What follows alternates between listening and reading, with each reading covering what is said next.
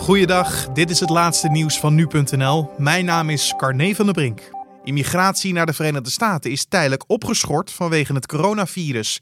De Amerikaanse president Donald Trump heeft hiervoor een decreet ondertekend. Om onze geweldige Amerikaanse werkenden te beschermen, heb ik zojuist een decreet ondertekend die immigratie naar de VS tijdelijk opschort. Dit zal ervoor zorgen dat Amerikaanse werklozen van alle achtergronden vooraan staan in de rij voor banen zodra onze economie weer draait. Aldus Trump tijdens een persconferentie.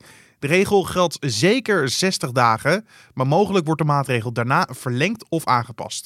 En we blijven even in Amerika, want de directeur van een Amerikaans bedrijf dat zich richt op het ontwikkelen van een vaccin voor het coronavirus is door de Amerikaanse president uit zijn positie gezet.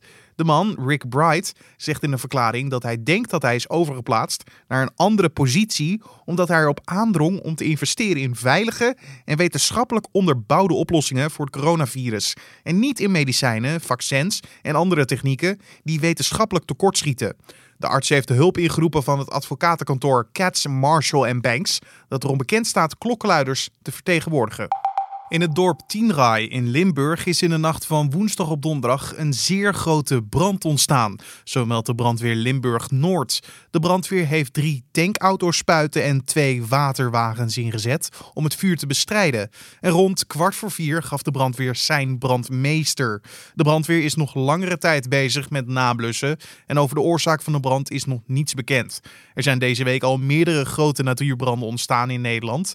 De brand in Tienraai is de tweede natuurbrand brand in de Limburgse gemeente Horst aan de Maas.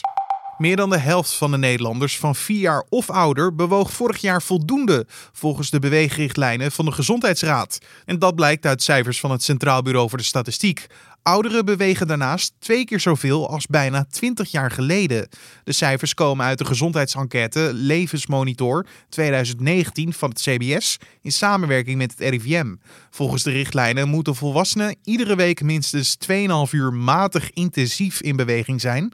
En kinderen moeten dagelijks minstens een uur bewegen. Jongeren van tussen de 12 en 18 jaar en mensen van 65 jaar of ouder bewogen volgens de cijfers van het CBS het minst. En tot zover de nieuwsupdate van nu.nl.